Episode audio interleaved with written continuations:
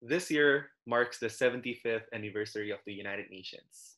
Despite many successes that the organization has achieved in the past 75 years, challenges remain. What are those challenges, and what is the outlook for multilateral cooperation under the UN?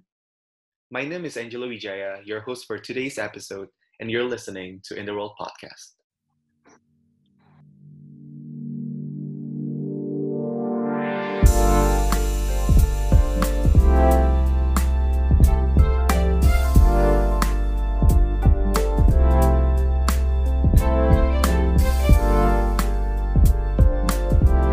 Today, we're joined by Sasha Simon, a Joint Master student at the University of Konstanz and Gothenburg University.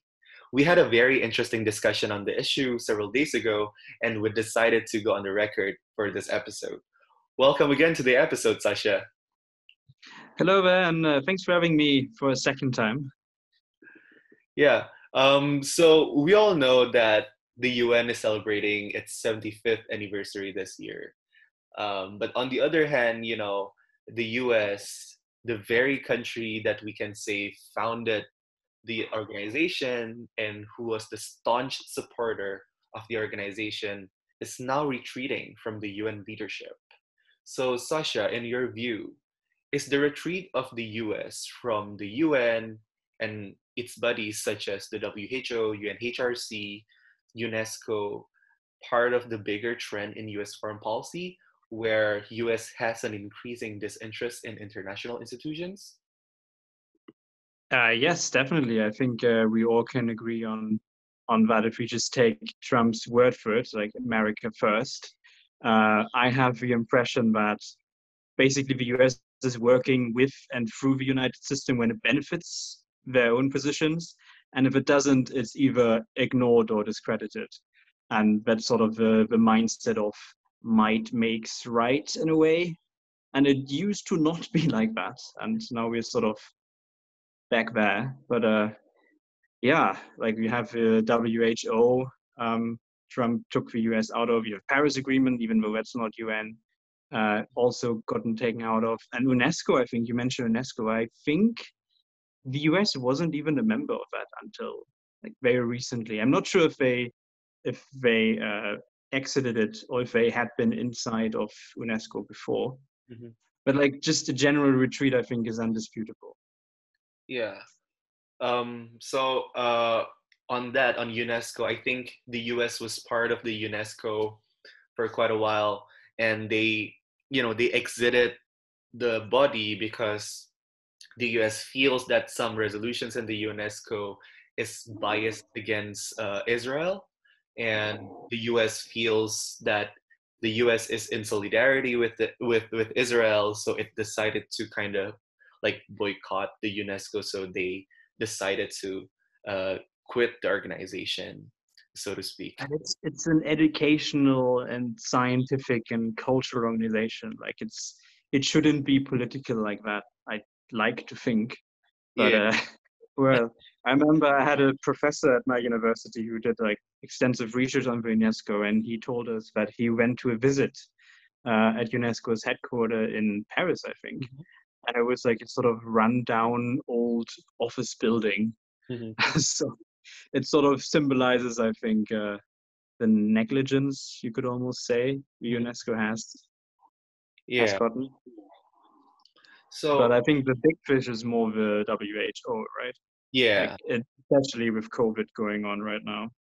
Absolutely. Especially, you know, um, because Trump is trying to frame the uh, the WHO as a Chinese centric or like Chinese supporting organization. So um, it, it, it, it brings a new dynamic to international politics in you know international organization i could say um, regarding regarding that competition, Sasha, as we know, um, out of 15 specialized agencies of the UN, four is headed by Chinese nationals, while only one is headed by an American. Mm. Um, and the share of contribution by China to the UN has increased in only, you know, in only two decades from the beginning of the century until now, at least um, you know, from l- less than 2% to now like 12%.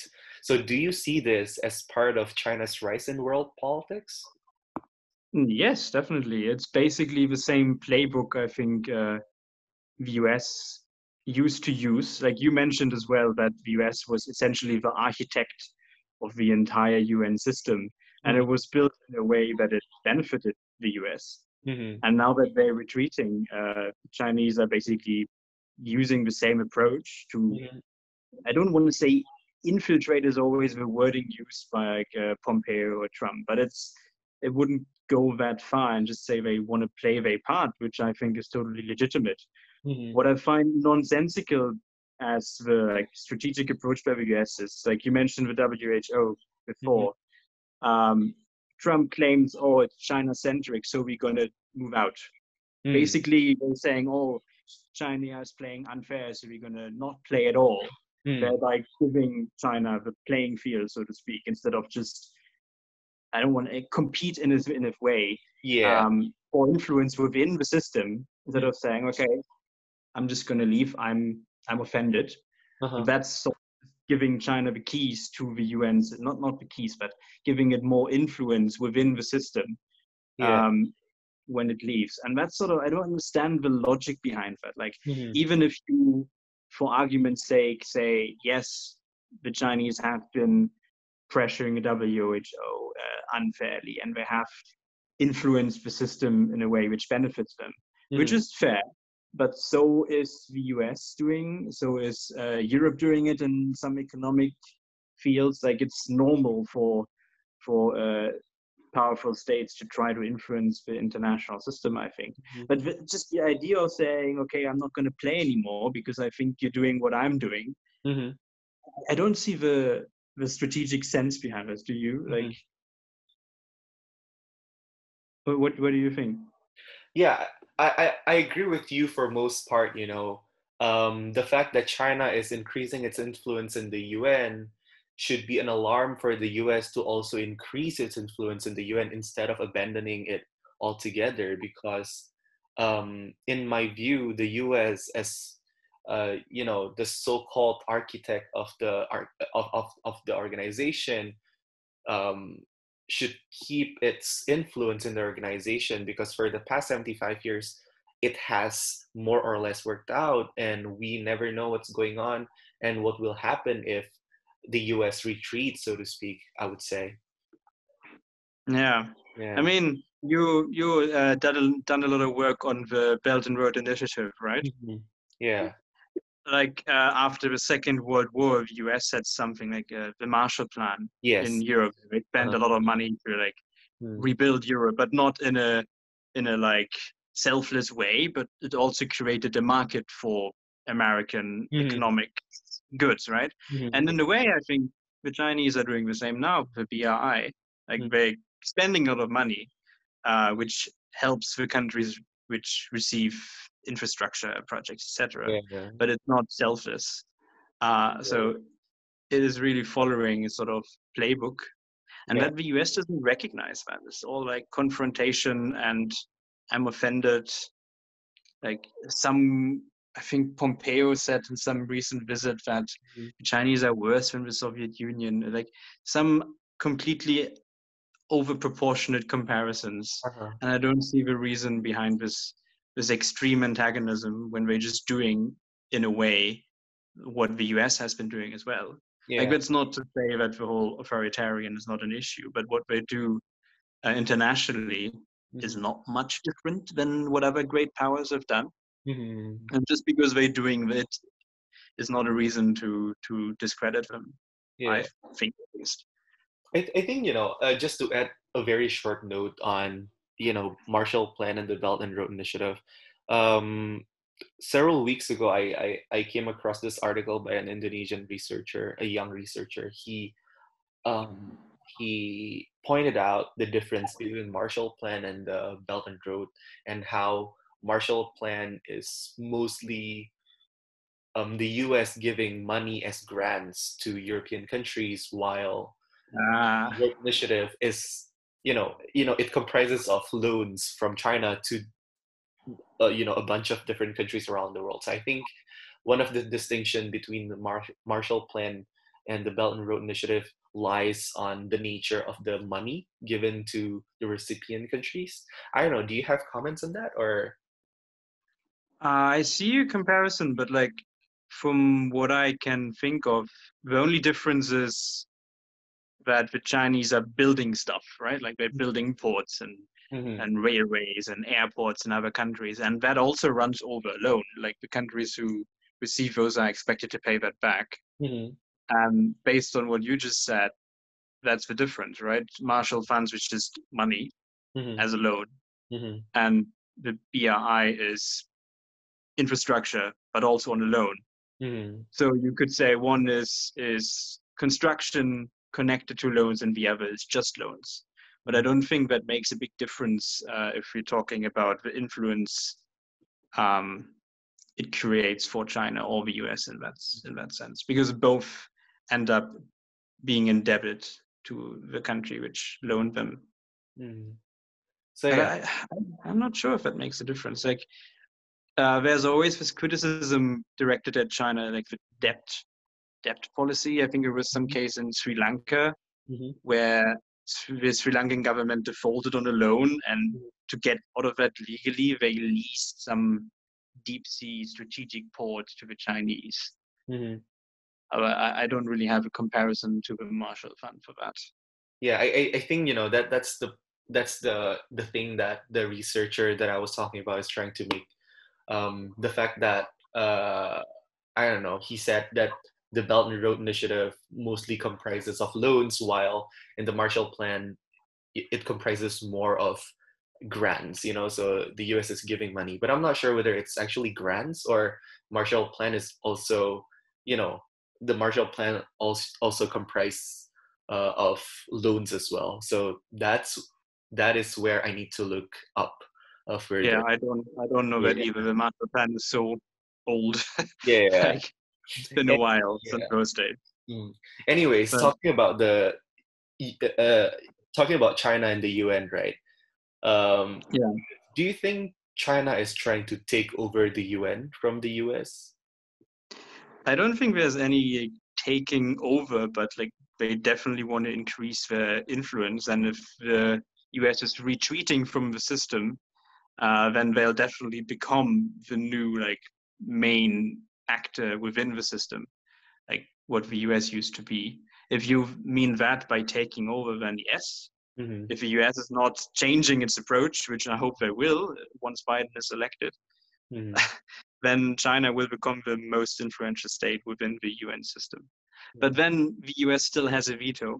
That's not going to go away anytime soon, I imagine. Yeah. So um, the UN Security Council as a whole, whole different beast, so to speak, with a lot of problems. And I think we wanted to talk about that as well, right? Yeah. yeah. The, mm-hmm. the way of um, reforming it in any particular way. Yeah.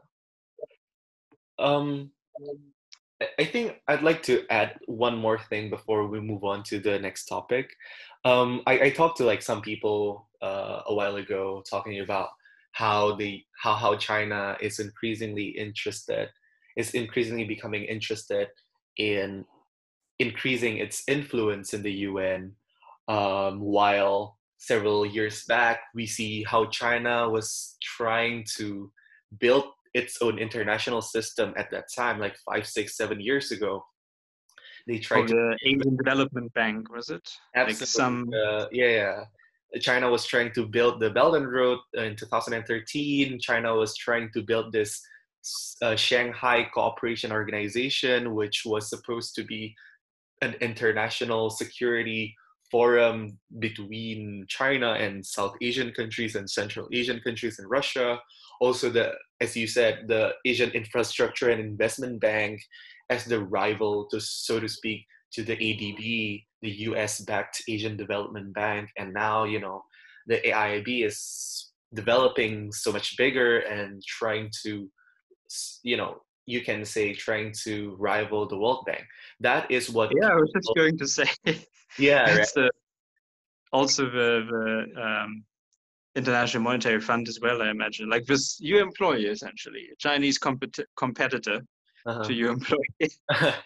yeah. So that was what people thought like five, six, seven years ago when China was trying to build its own system. But now, um, I, I don't know. Do you think China is shifting its approach from creating its own international system to trying to go into the US built system and trying to change the UN or UN related bodies from within? Oh, that's an interesting thought. I haven't considered that. Like, um, it makes sense that, mm-hmm. like, that they attempt to build their own system, but why build up a new system from scratch if you can mm-hmm. just join the existing one and do both, mm-hmm. right? Mm-hmm. I, I, don't think that China's abandoned the uh, the Asian Development Bank and the Shanghai stuff you, you mentioned, Absolutely. Shanghai Forum. I would assume if I was sitting in some strategy making office that you would just do like a parallel approach. You involve yourself with the existing system and try to to influence it according to your own interests and simultaneously try to build up your regional i think they're meant to be regional right? They, they're yeah. not meant to operate globally. Mm-hmm. So they're not even on the same on the same like operating sphere. Mm-hmm. and so you can have both simultaneously. And it, it makes sense from a strategic point of view. Yeah. Um but i would expect to hear back from them like the asian development bank and the shanghai conference because i, I don't think they disappear even though i haven't recently read anything about them but uh, given the south china sea uh, complications. I'm sure it'll come up soon again. Uh huh. Yeah. Um, but what do you think about that? Like, do you think I, the Shanghai uh-huh. Corporation is a could be a sort of medium to negotiate on the South China Sea? Um. Well, uh, the for the first part of your thought, I would agree a lot. Um, in in the sense that China, while building its own international system, so to speak, is also trying to influence the existing US built system and trying to change it from within. Um, so it's like a parallel approach, as you said. Um, but on the second part, uh, I would say that the SCO, the Shanghai Cooperation Organization, is not the correct platform to address the South China Sea dispute because the SCO doesn't really include ASEAN it includes like China, India, Pakistan, Russia, and some Central Asian countries. I believe like Kazakhstan, you know, um, oh, and those countries in Central Asia. Whereas South China Sea is happening in the Saudi in, in, in Southeast Asia, where the platform to talk about this is more on China ASEAN dialogue on the code of conduct on the South China Sea. So I think, yeah, I think that's my thought, Sasha. Yeah, okay, that makes sense. I'm surprised. Like, if I think security issues in Asia, the mm-hmm. first thing that comes to mind is the South China Sea. Maybe North Korea, but that's sort of calmed down a bit at least. Yeah. But if you have something related to security in Asia and that mm-hmm. being not associated with the most high profile issue, mm-hmm. that seems like a deliberate uh, move there. But uh, talking about the the whole um, UN system and the uh-huh. South China Sea, mm-hmm. um, there was this this idea, um, not idea, this the Chinese refusal to adhere to a ruling on the United Nations Law of the Sea, right? The mm-hmm. UNCLOS mm-hmm. uh, trial. I think it was the Philippines who won mm-hmm. that, and the Chinese are just basically ignored it. Yeah. Correct. Yeah. And that I think is a good illustration of uh, of like the might is might makes right approach, where uh-huh. if the UN system works in your favor, like uh, the WHO, uh-huh. then you support it and you legitimize yeah. it, and you see like, see, the WHO is saying what I wanted to say. Uh-huh. Um, but if it's going against your interest, like the uh-huh. Uh-huh. um, ruling in the South China Sea, then it's being either ignored or completely denounced. Mm-hmm. That is the case with yeah, yeah. with China and the South China Sea, but it's also the US is doing the same, right? Absolutely. Um, they had these uh, what's it, the ICC, the International Criminal Court. They're not part of that because yeah. they don't want to have uh, any military personnel uh-huh. tried for potential war crimes in the Middle East. Uh-huh. I think they even threatened to sanction individuals who Yeah. who come to uh, the US. Uh-huh. And then that's the thing. Like the more you look into these these measures China and the US are doing, they're basically doing the exact same thing. Yeah. Like um, China is having this like, new security law in Hong Kong, Mhm. which is extraterrestrial, right? Like if you say something against it, uh, like you in Indonesia or I in Germany, we could get in trouble for that when we go to China. Yeah. Um, and the US is doing the same thing with uh, a pipeline in the North Sea, actually Nord Stream, but also the International Criminal Court I just mentioned, Mhm. like this extraterritorial application of sanctions, which is not actually allowed under international law. But it's again, these countries are big enough to get away with that. So it's sort of a good illustration, I think, Yeah. of what they're actually doing in terms of diplomatic moves Mhm. is not that dissimilar. Yeah, I really like how you mentioned the illustration of how uh, might makes right. Is that is that correct? Might. Yeah, Yeah, yeah. It's very interesting how you compare um, China and the U.S. and their behavior vis-a-vis international institutions or international organizations. Um, relating to that, Sasha, the UN, as we know, turns 75 this year. Um, the organization has received criticism, as we discussed, you know, that its funding is too rigid, that some of its mechanisms in its system are too complicated or sometimes even overlap with each other. Um, some also has criticized the UN for working in silos when addressing a multifaceted and multisectoral issue. Um, in the context of its of its troubled funding, the UN headquarter in New York City last year even had to switch off its elevators to save the budget because you know you know most of its member countries are late to pay its annual contribution. So you know you have this one year paying window from the beginning of the year to the end of the year and most countries just pay right at the end. So they need to save budget like right in the middle of you know the year. So what do you make of these symptoms so to speak? I sorry, this this might not be appropriate, but I can't stop thinking about some high-level diplomat who has to go to some office on the top floor of a UN building, and because the elevator switched off, they have to walk. yeah.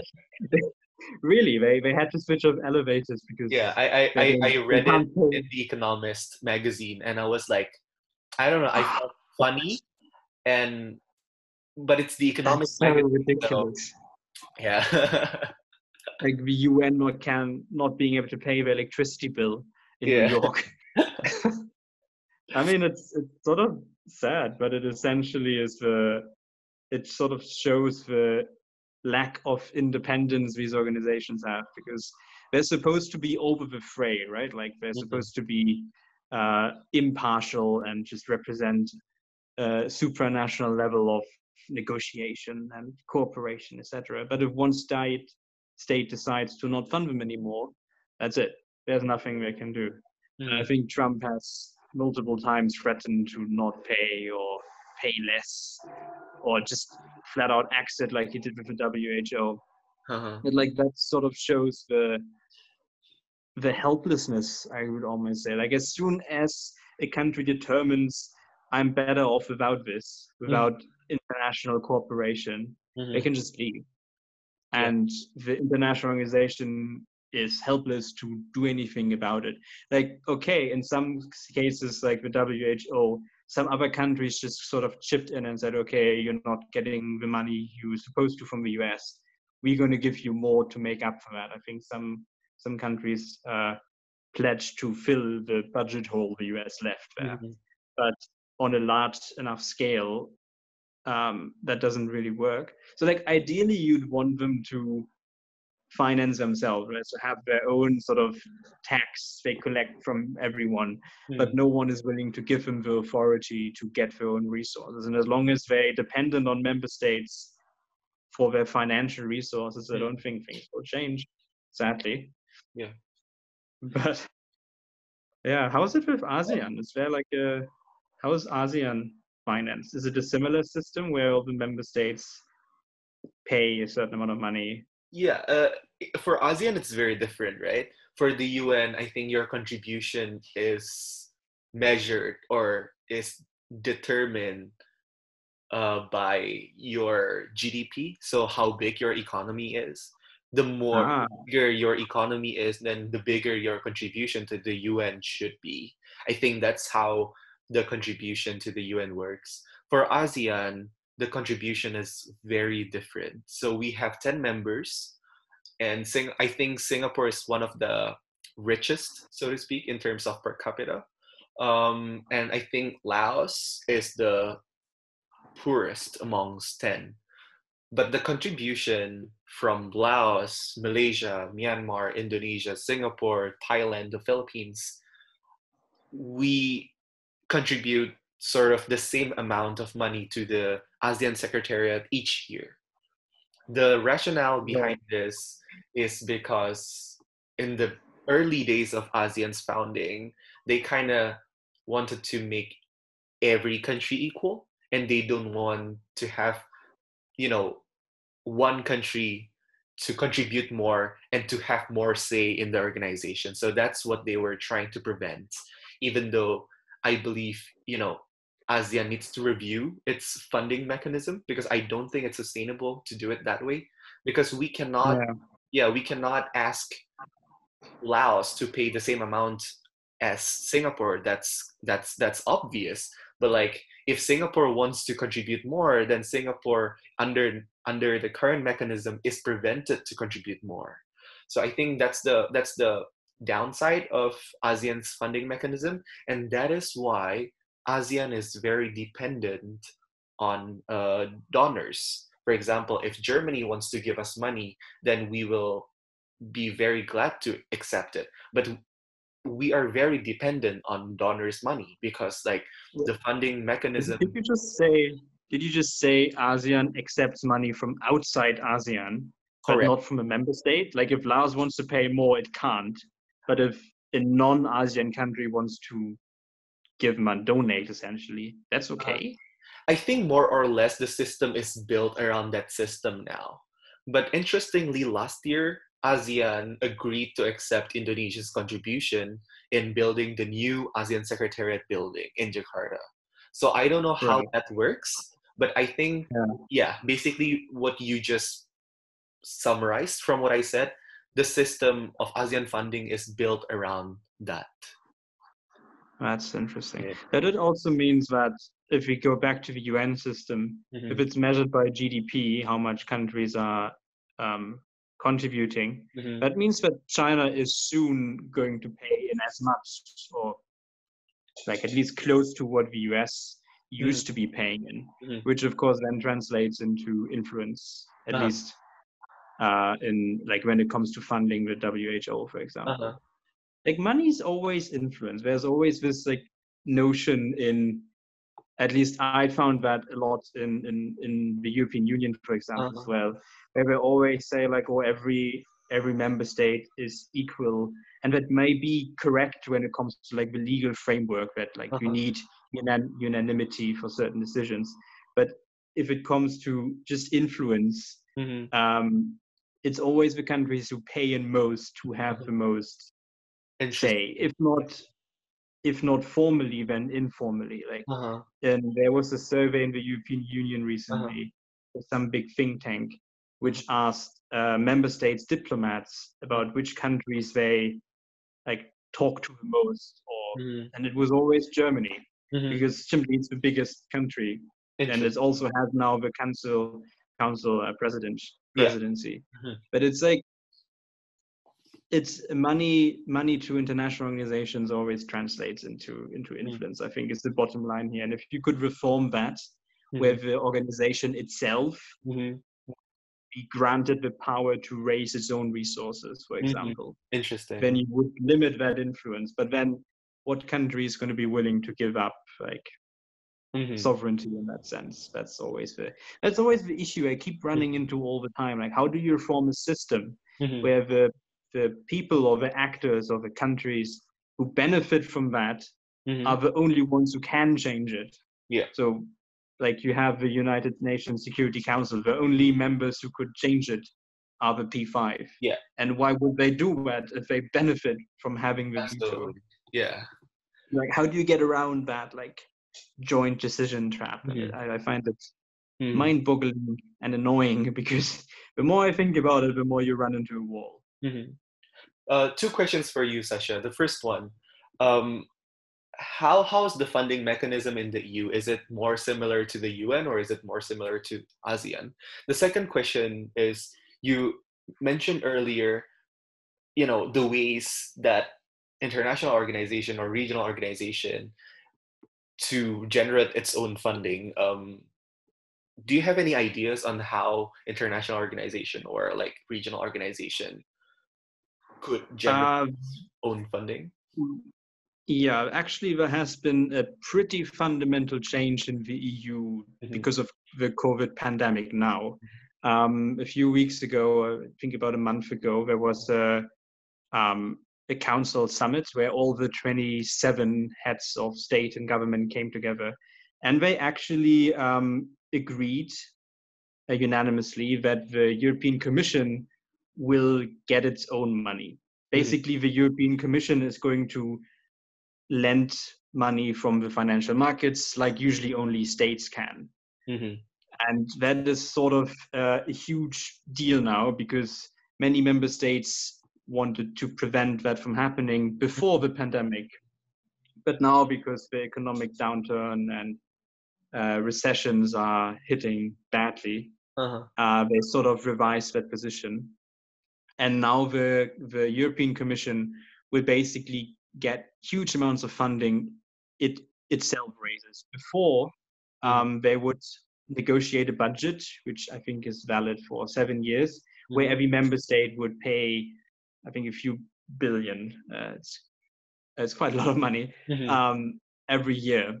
Mhm. But now the Commission itself can raise money.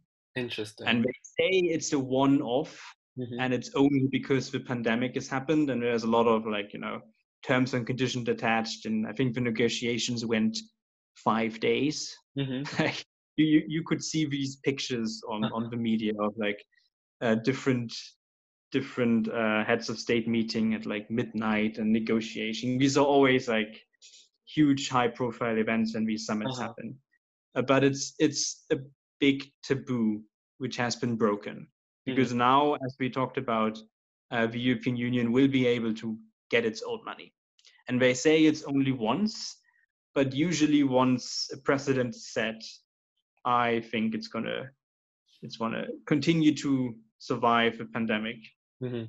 um, basically the budget of the eu almost doubled Mhm. within a year because of the pandemic. And once you give an organization that much money and with it influence, I don't think it's very likely that they're going to give it back.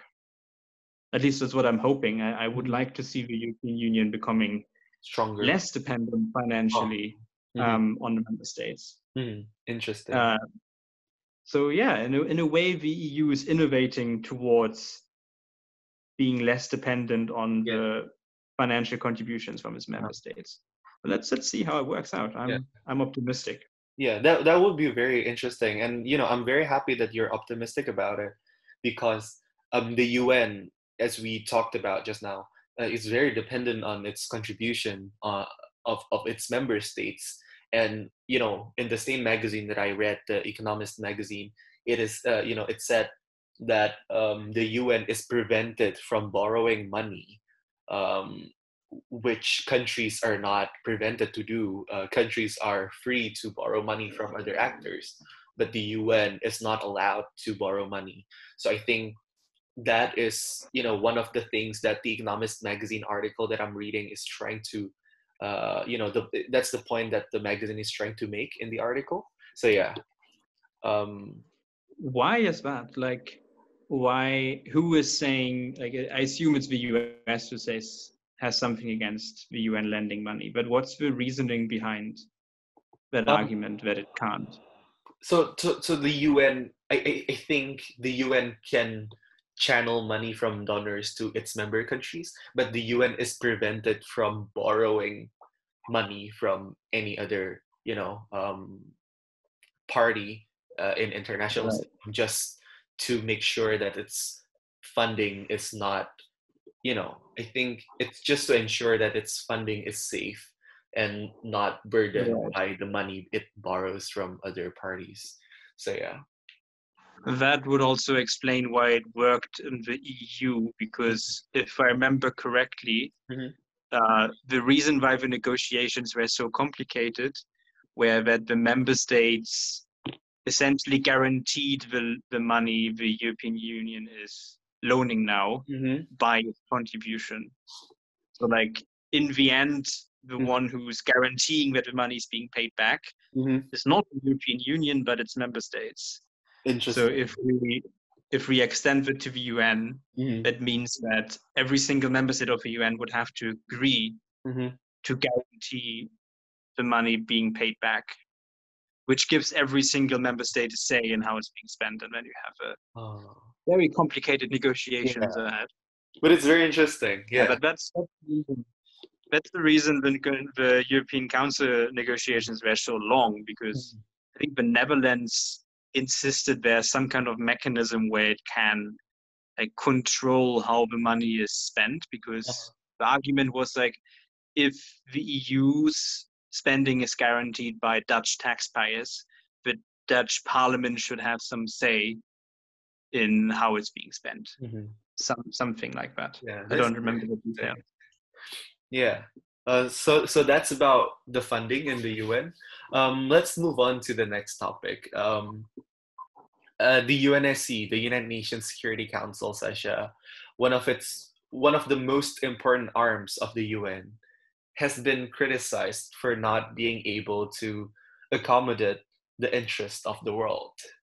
The five perma- permanent members, or what we know as the P5, have never been changed since its founding. So as of now, um, we have like five members. Uh, it was it, it, it, it they are the United States, France, the UK, uh, Russia, and China. And as of now, the continent of Africa and South America have no representation at all in the permanent membership.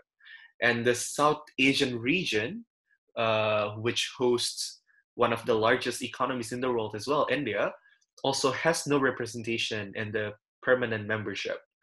Um, there are ideas to reform the council, whether it is to expand the P5 or you know to invite the European Union to assume the seat of France, for example, or to invite um, India to the table, invite Germany, invite um, Japan.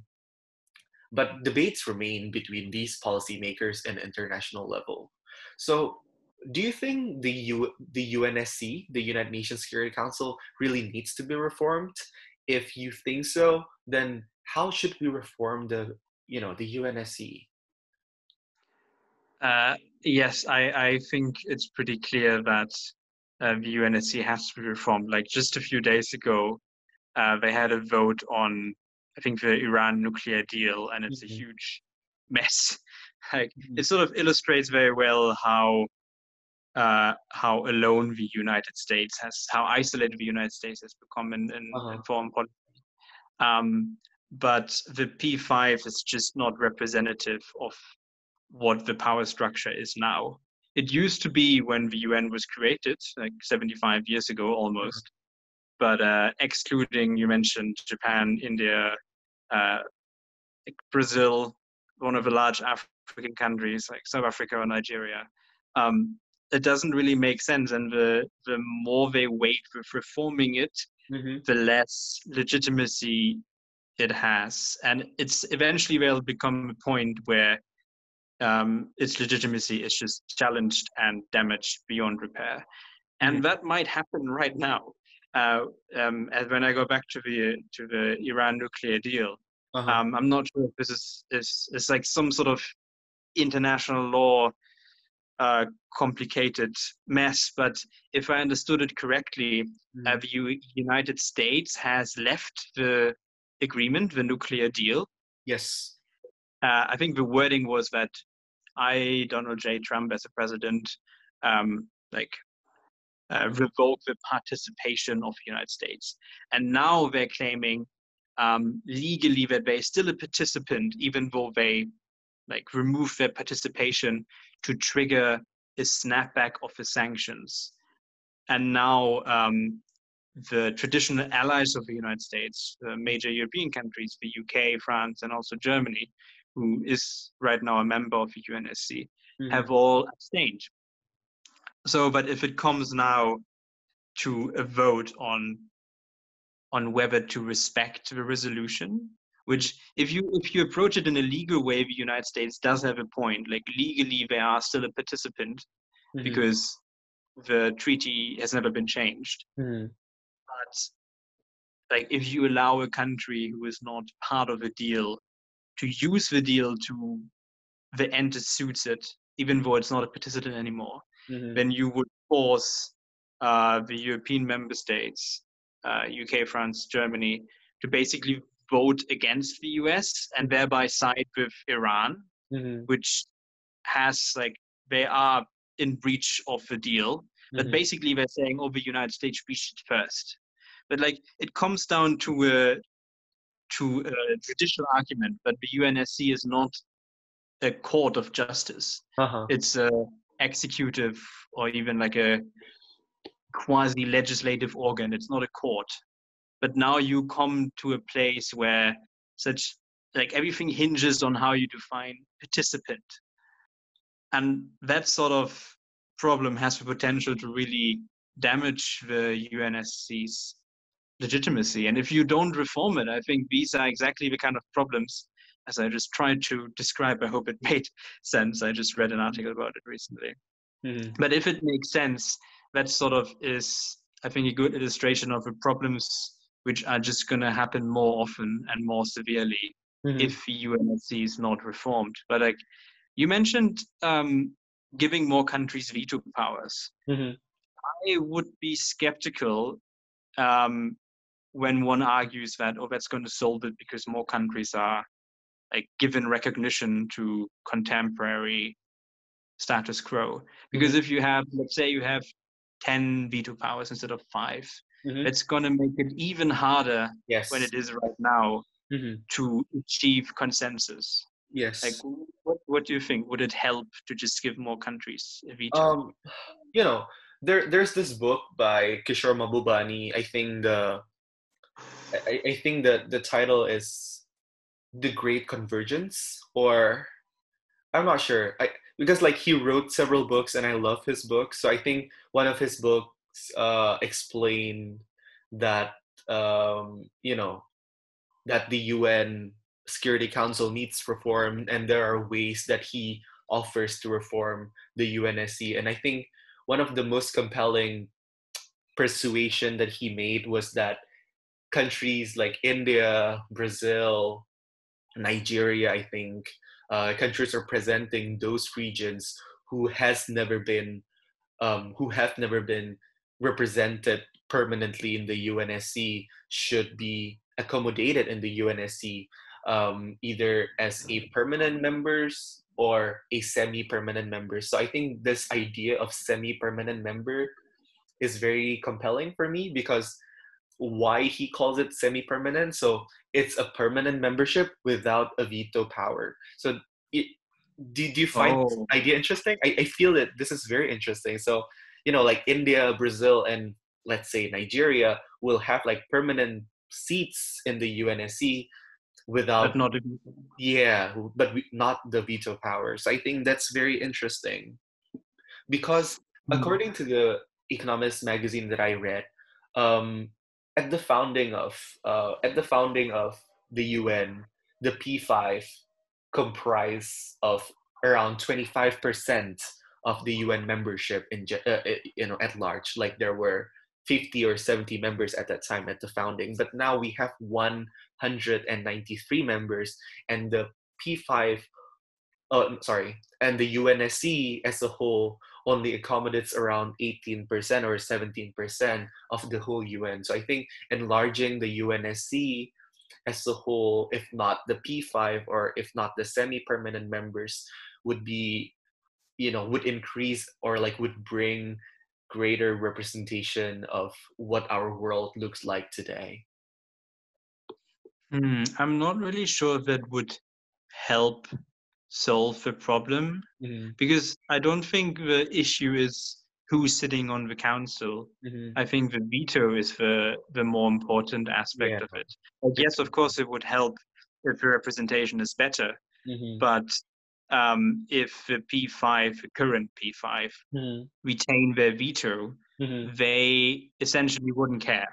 Like, okay, we're going to grant India, Brazil, Japan, Mm-hmm. etc. permanent seat, but without a veto.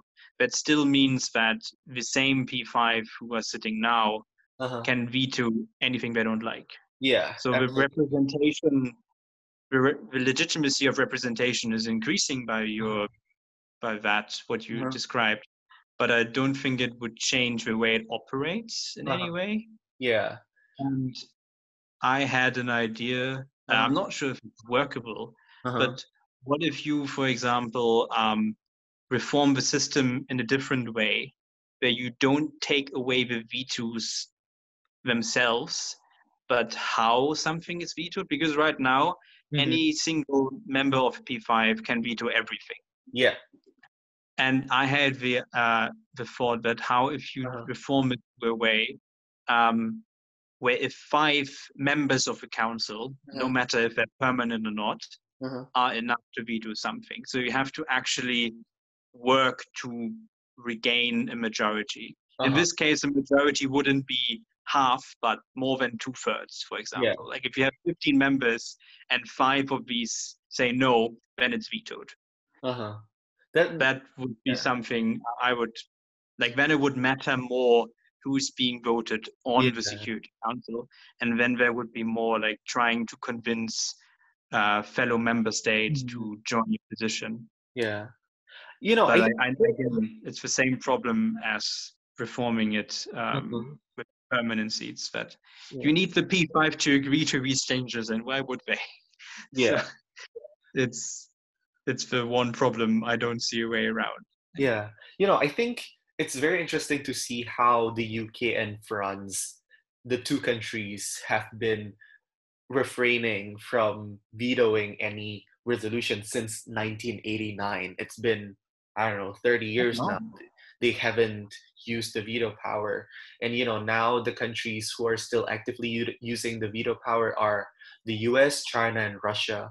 And I think the second thing that I'd like, uh, you know, to ask you is whether That's you. Think, that. yeah, whether you think China and Russia are increasingly ganging up against the Western world, or do you think they're not doing that? What do you think?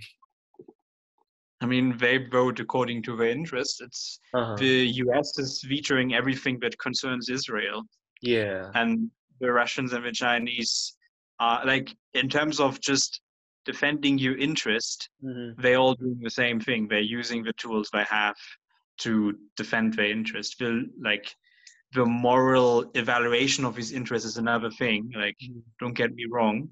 Mhm. Um, like autocratic practices is not something I support, but I understand the reasoning why they use it. It's like um, I don't think it's a ganging up mentality.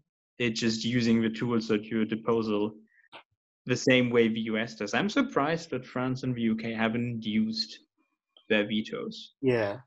I, think Uh, another another thing that I feel very interesting is the fact that the European Union has a mission, has an embassy to the to the UN in New York City, and what they're doing Yeah. is basically they're trying to um, coordinate the foreign policy of its members, um, and you know, just this spring they have this theme of European Spring or like European Spring at the United Nations Security Council because throughout this spring, um, I think there are five or like four United uh, European Union's members who are uh, who are responsible to hold the presidency in the UNSC. So I think there, yeah, I think that's a very good move to you know um, to to have a concerted effort in the United Nations Security Council because the four EU members are holding the presidency, so the EU embassy, so to speak, the EU mission to the UN is trying to make a concerted efforts between the four. I think I I, I, I see that as a very good um, uh, initiative, and I see that very optimistically. And I hope, honestly, ASEAN could kind of replicate that kind of spirit because as of now, I think it's not just Indonesia who's in the UNSC. I think Vietnam yeah. is also in the UNSC. So if ASEAN can work can work together with its members um, in the UNSC to have the same kind of spirit as the EU, I think that would be very very good. Yeah, I, I agree. Like it's a challenge to get a uh-huh. common foreign policy. I think we talked about this last time. Absolutely. Um, yeah, but it's it's difficult. But if it would work, I mm-hmm. agree that would be a very positive thing. I I didn't know the EU has an embassy to the UN. That's like one supranational organization has a delegation to another supranational organization. Yeah. That's it's very interesting. Strange but, new world. I didn't know. Yeah. Did you know that the EU the, has ASEAN?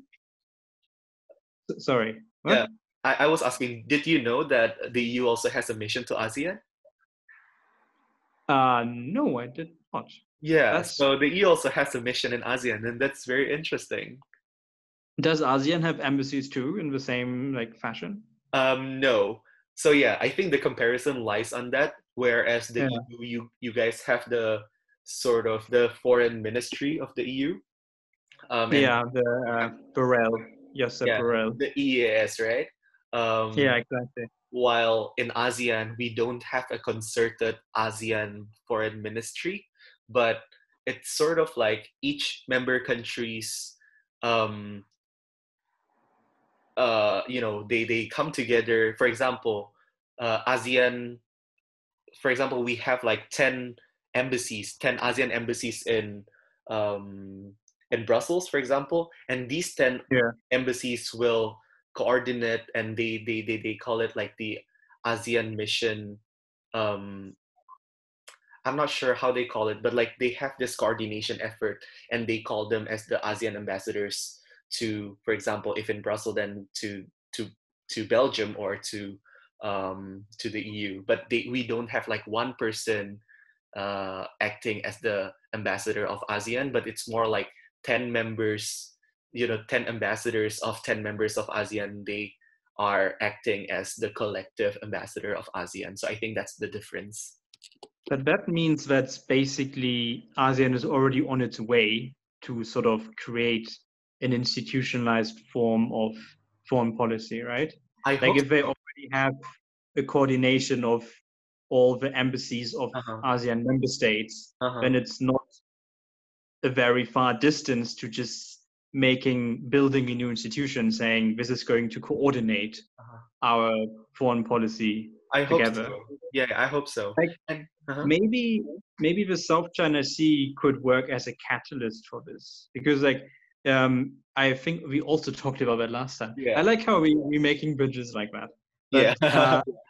uh, the code of conduct, uh-huh. um, which is now being negotiated, mm-hmm. that is an effort from all ASEAN member states together mm-hmm. uh, vis-a-vis China, right? Mm-hmm. And maybe if it's a success, and I hope it would be, uh-huh. that it sort of sparks the realization that as a group of countries, they have much more leverage to achieve what they want versus a big country like China, mm-hmm. as if the Philippines alone would try to negotiate something. Like if we have a callback to the UNCLOS thing, because one state, that's the essential logic, right? Like as a group, we have more leverage to negotiate mm-hmm. and achieve our common goals better yeah. than if we do it alone. And maybe if the code of conduct negotiations work, that sort of mm-hmm. sparks a institutionalization of ASEAN foreign policy. Like I would like to see that. Yeah, I hope so. Um, even though like it's difficult. Yeah, it's difficult as hell. Like I, I mentioned last time that like um, there's a lot of problems with like coherence and mm-hmm. unity to actually make it common because mm-hmm. right now there's too much mm-hmm. too much divergence between member states. Mm-hmm. But if there is a pressure to to get to one common position, yeah I, I, I feel like it's a long bumpy road, but you know, if Yeah. enough people are optimistic about it and continuously supporting it, I think you know we'll get there um, in the near future. yeah. Um, Have you have you brought that up in your um, ASEAN Youth Society or UKM Youth? um, yeah, UKM ASEAN Society was it right? I, Have you I, talked I brought about it up. I brought it up some several times. Um, but yeah, we're working on it because it's a very delicate issue. yeah, but it, it sounds like something worth worth pursuing. absolutely. I mean, I I like the idea of you know like EU foreign ministry, uh-huh. and it has its problems, but I think there's a lot of potential to it. Absolutely. And the embassies are already existing, so let's Uh-huh. let's see how they how they develop. Yeah, absolutely. I think last question for you, Sasha. It's Um, already been an hour, right? Time flies. yeah. Uh, last question for you. Um, what is your hope and what, what are your wishes for the United Nations in its 75th anniversary? That people believe, not, not that people, that states Mhm. believe in um, a win-win situation again. That it's not all these zero-sum game calculations which Trump and China and Russia throw around. That when everyone is cooperating and no one is winning, so to speak, Mhm. um, that everyone's better off. Like that states recognize that cooperation is better than confrontation. Mhm. And All yes, of course, that means compromises. Uh, but I think that's worth it. And I'd like to see that on a global scale. Mhm. All right, Sasha. Thank you very much for speaking with us in the in in the World podcast today. Um, thank you very much for your time. And Thank you uh, for inviting me. Yeah. And dear our listeners, uh, that's all for this episode of In the World podcast. If you like us, please subscribe and give us a rating. You can listen to our podcast on Spotify, Apple Podcast, Stitcher, Google Podcast, or wherever you listen to your podcast. See you again in our next episode.